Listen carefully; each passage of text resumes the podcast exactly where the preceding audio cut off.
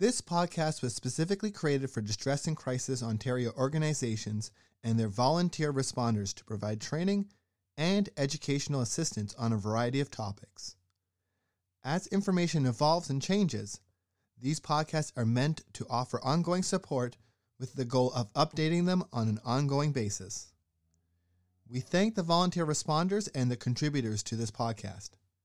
Please visit our website, dcontario.org, for more information and how to access free mental health services. Thank you.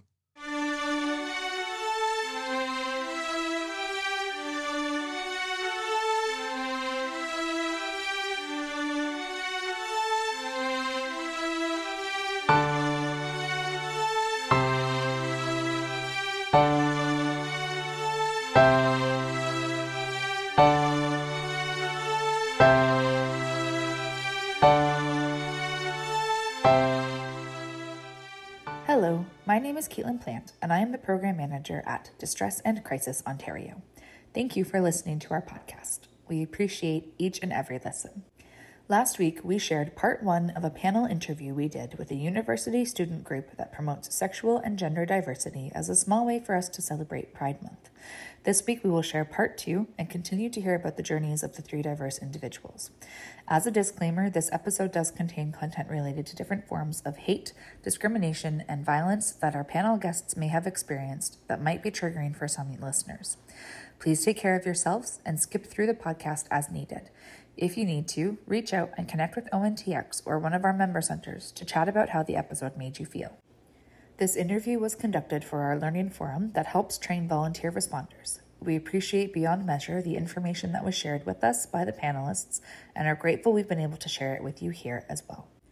If you haven't listened to last week's episode, I would suggest doing so before you listen to this one, as it does continue at a midway point of the interview. Thank you, and we hope you enjoy part two. Midas, my next question is for you.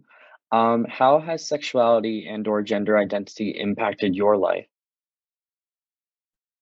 I would say it made it so much harder. Um, I needed to, I knew that I needed to move out of my country, um, leaving everyone, everything I ever loved, and also a lot of opportunity in my life um, since I was 14. Everything um, that I worked for from that point on was to just get me out of there. Even though I have so much love for my uh, country, for people that are there, um, but I, I really need to like the need to feel the safety is just so much bigger uh, and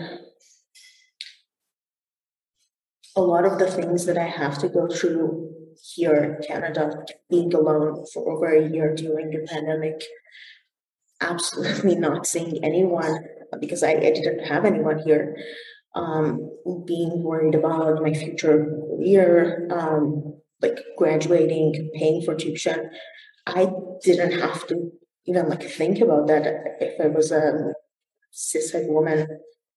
I had everything planned out and like every opportunity in front of me. Um, but also, I'm I'm happy that I found the community, as Sam mentioned. It's like we have a great community, and I've been receiving every support that I could have asked for from them. From people in Glow, the most amazing people who I, I like grow to be friends with. I love that part, but also um, at the end of the day, I, I have to answer that question. But like, it just made it so much harder. hmm And thank you so much for sharing that with us. Sarah, my next question is for you. Um, what coping strategies would you suggest for a caller in distress who is struggling to come out?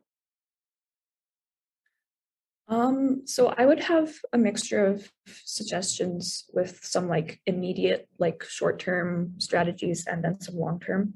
The long term stuff would be more like um, what um, Midas and Sam have sort of touched on with like chosen family is like finding that community that you need because if you because struggling to come out can mean a lot of things right it can mean um, i'm anxious about telling my parents i think i'll be okay but like I'm still nervous about it. It can also mean I might be kicked out of my house. You know, there's lots of different things that can mean. So having your like your community and like close friends who you know support you is very important um, because obviously you can give all the advice in the world to someone who's struggling with this but if when they hang up the phone and go come out to like their parents or someone you can't control anything that happens after that. So having that like support system in place is really important. Um, and if someone is still like considering whether or not to come out um, it's very reassuring to know that they even if like they're not out at home for example that they still have a community where they are able to be their authentic self um, and then in terms of short-term um, strategies um, i would say that the main thing is to sort of i guess like normal like coping strategies for like panicking like grounding yourself and you know um, taking care of yourself drinking water that kind of stuff. Um, but if you're sort of feeling like you're in a space, like for example, if there was like a teenager in their room and they were like dealing with this and like at home with parents who they knew wouldn't be accepting, for example, um, I would say that um, trying to find ways to engage with your community, like from the space, like like within that space, but then um, I'm not explaining this very well. Finding ways to engage with your community in like sort of like more secret ways like um, watching like a movie that has some representation in it that you identify with right? You don't have to be um explicit if you're like watching that movie in the living room with your parents or something. You don't have to be explicit like th- this makes me feel good but just being able to sort of have that experience with the people you're trying to come out to can be helpful um, first of all to sort of like judge if they're going to be accepting and then also just to because that's a generally validating thing i think. Thank you so much for sharing that. Sam my next question is for you. What advice would you give to people if they wanted to educate themselves further on how to understand sexuality and or gender identity? Um, so i definitely think like there's a lot of resources um, honestly it really I, I think it depends on what you're looking for and what is available in your community right? Because um, so like in ottawa um, they have programs called families in transition where you can like let's say your kid just came out the parents are really struggling don't understand what to do the parents can go to this like six week support group and like get support from other parents and that can be like a really amazing resource and i know that's something that helped push my parents in the right direction because they were like oh you know these kids can be happy. And so i think that's that's really important. And honestly the best best thing to do is just talk to someone you know like don't harass the one friend who just came out to you because they probably don't have all the answers but find someone you know? I like being that person where i will take those questions and i will field that information because i'm in a place where i can do it. This is the work that i do.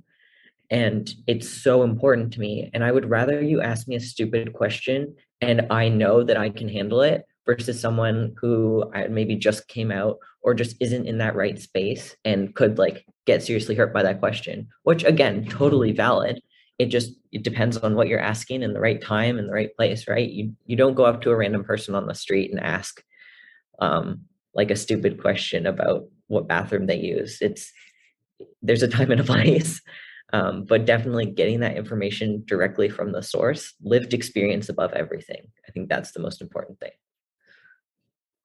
Thank you. That was so insightful. My next question is for Midas.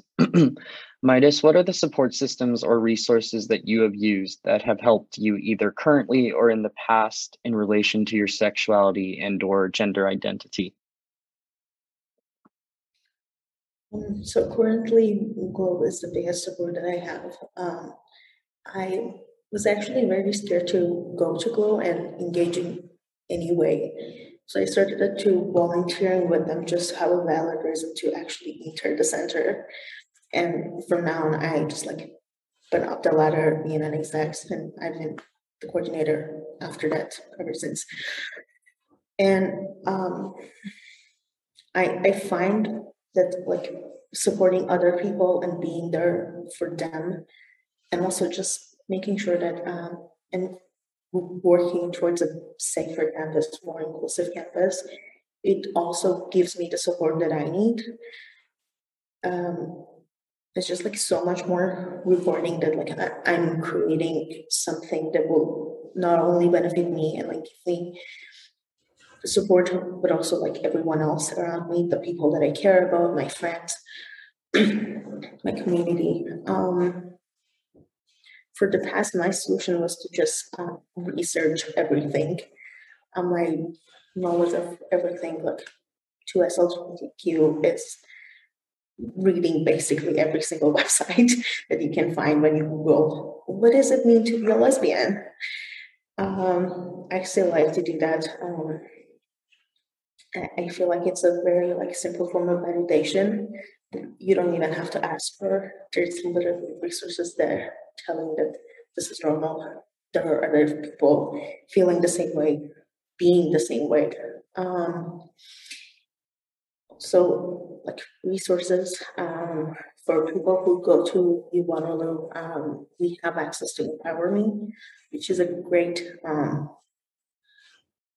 counseling, mental health. I know they do other stuff, but they're not supposed to be a crisis line. But if you call them and you're in the middle of a crisis, they will like stay on the line with you and make sure that like you see someone.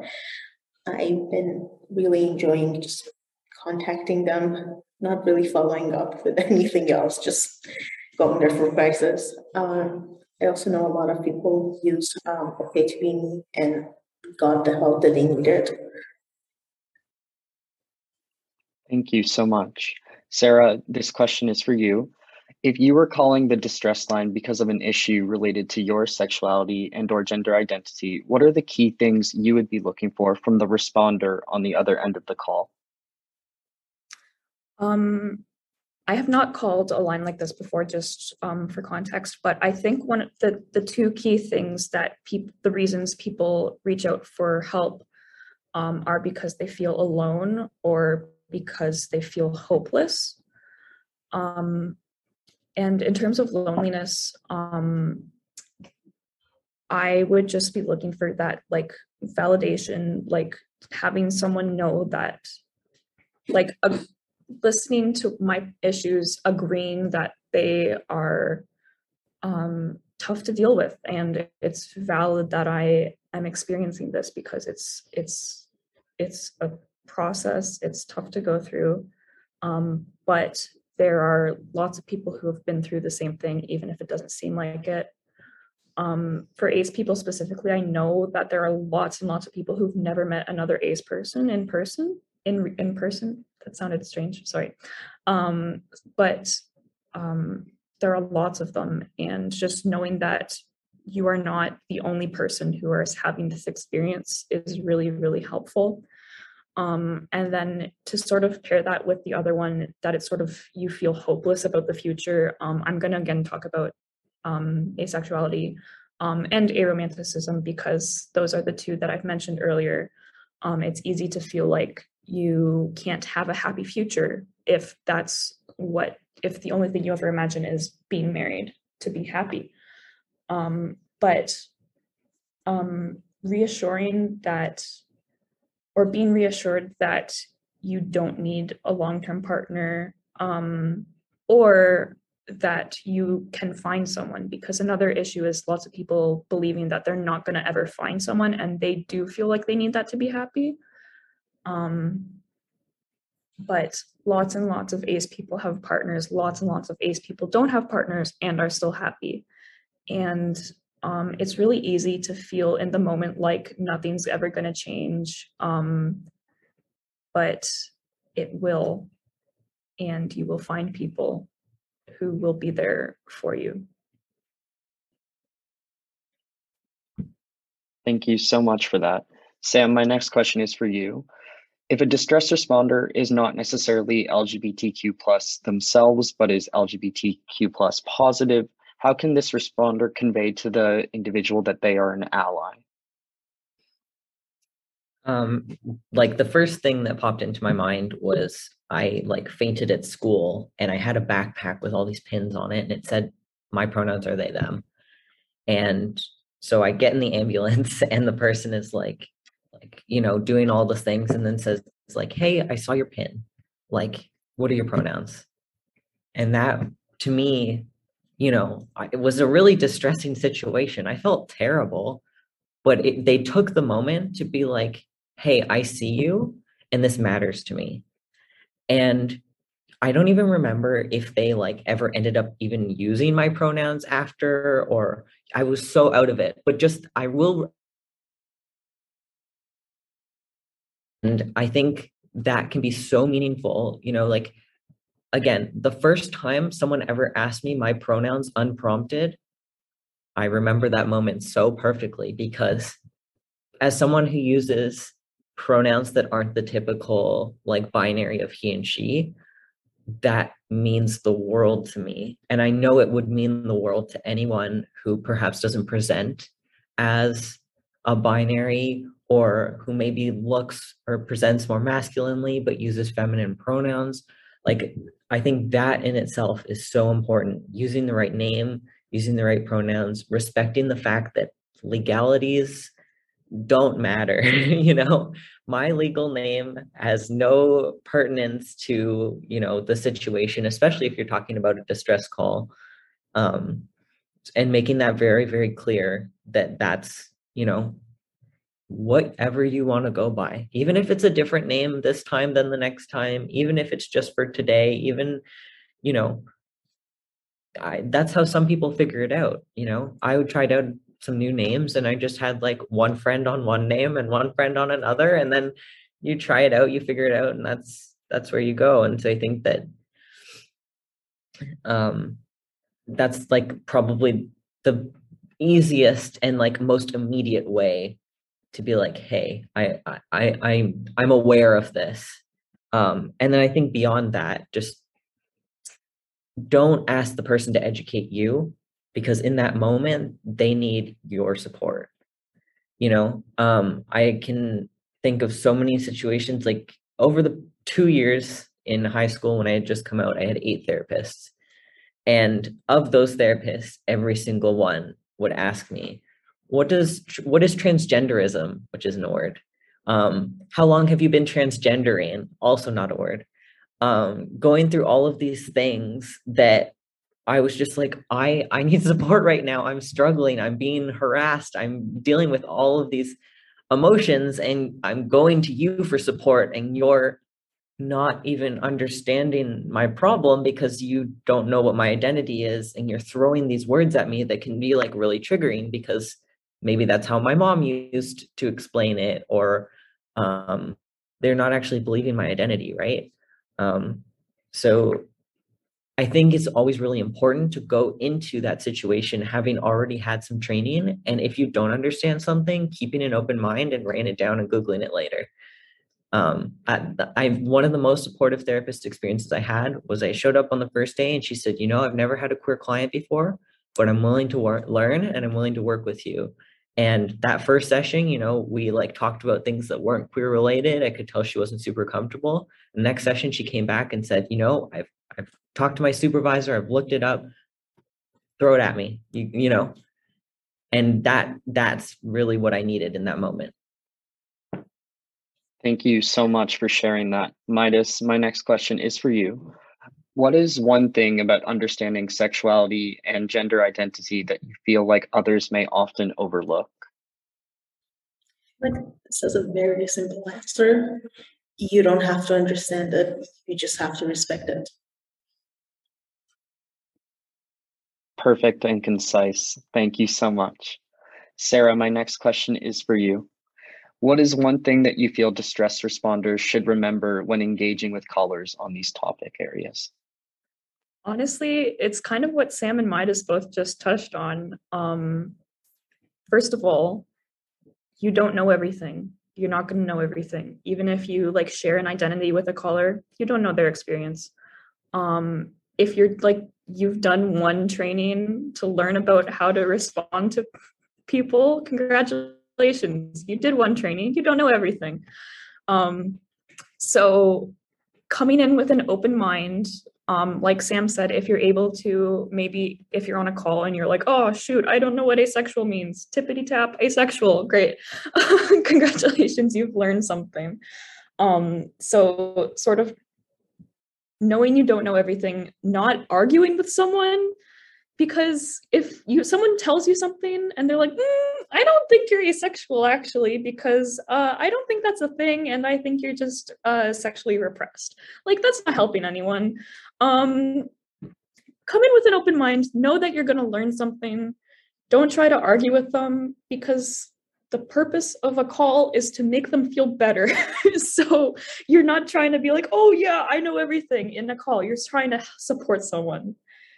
So just remember that, um, like Midas said, respect them even if you don't understand even if maybe they're saying things you disagree with because even within the community there's lots of things that people have different opinions on. Just respect them and help them. That's it. Thank you so much for that.